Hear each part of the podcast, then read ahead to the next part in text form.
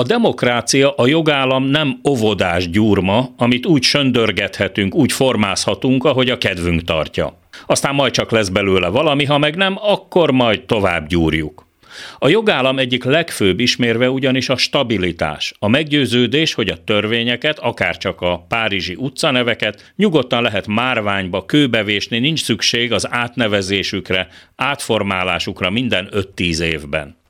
Az állam, pontosabban a jogállam működése gránit szilárdságú, ahhoz nem lehet hozzápiszkálni, csak úgy, mert éppen megtehetjük. Elsőre ez jutott eszembe, amikor egy szélsőjobbos közreműködéssel a kormánypárt ismét elkezdte átgyúrni a fővárosi választási szabályokat, alig hat hónappal az önkormányzati választások előtt. A magyar demokrácia, ha még van ilyen egyáltalán, így is ezersebből vérzik. Megnyomorult, Csúf torzó lett belőle, össze-vissza kaszabolták a sarlatánok, már csak a lélegeztetőgép tartja fenn benne az életjeleket. Úgy tűnik, már nem sokáig. Hol vannak már azok az idők, amikor a hatalom birtokosai még ügyeltek a látszatra? amikor még elbábozták legalább a saját közönségük számára, hogy itt még a jog és a tisztesség érvényesül a hatalomgyakorlásban.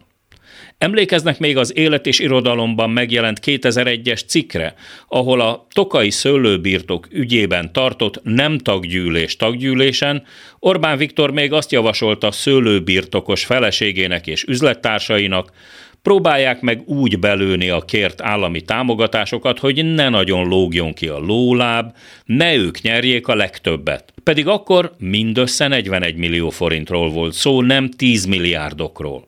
22 év nagy idő. Sok víz lefolyt azóta a Bodrogon, meg a Dunán is. 2002 után 8 szűk ellenzékben töltött idő, a féle sivatagi bolyongás elég volt ahhoz, hogy a leendő diktátorban kiérlelődjön az elhatározás, ilyen hibát még egyszer nem követhet el az életben. Ha egyszer sikerül megszerezni a hatalmat, azt soha semmilyen körülmények között nem engedheti ki a keze közül, vagy a karmaiból. A mesterterv elkészült, és 2010 óta dermedten szemlélhetjük, ahogy maradéktalanul megvalósul az Orbáni maffia állam. Ahogy polip módjára kiszivattyúzza az éltető erőt az egész magyar társadalomból. A maffia állami évtizedről még részletesen is szótejtünk a hetes stúdió adásában. Most már a látszatra sem adnak. Vittek és visznek mindent, ami csak mozdítható a bankokat, az autópályákat, a kis és nagyvállalatokat, a teljes médiát, a független állami szervezeteket, az ügyészséget, a bíróságot, a járást és a megyét, az alkotmányt, mindent.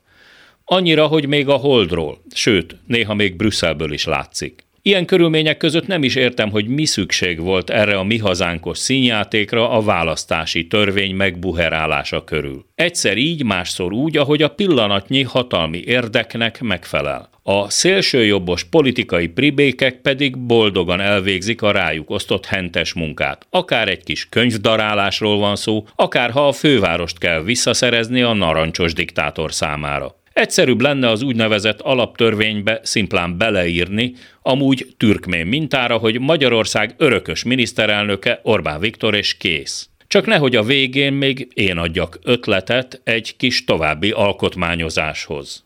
A hetes stúdió mikrofonjánál Hardi Mihály, azonnal kezdünk.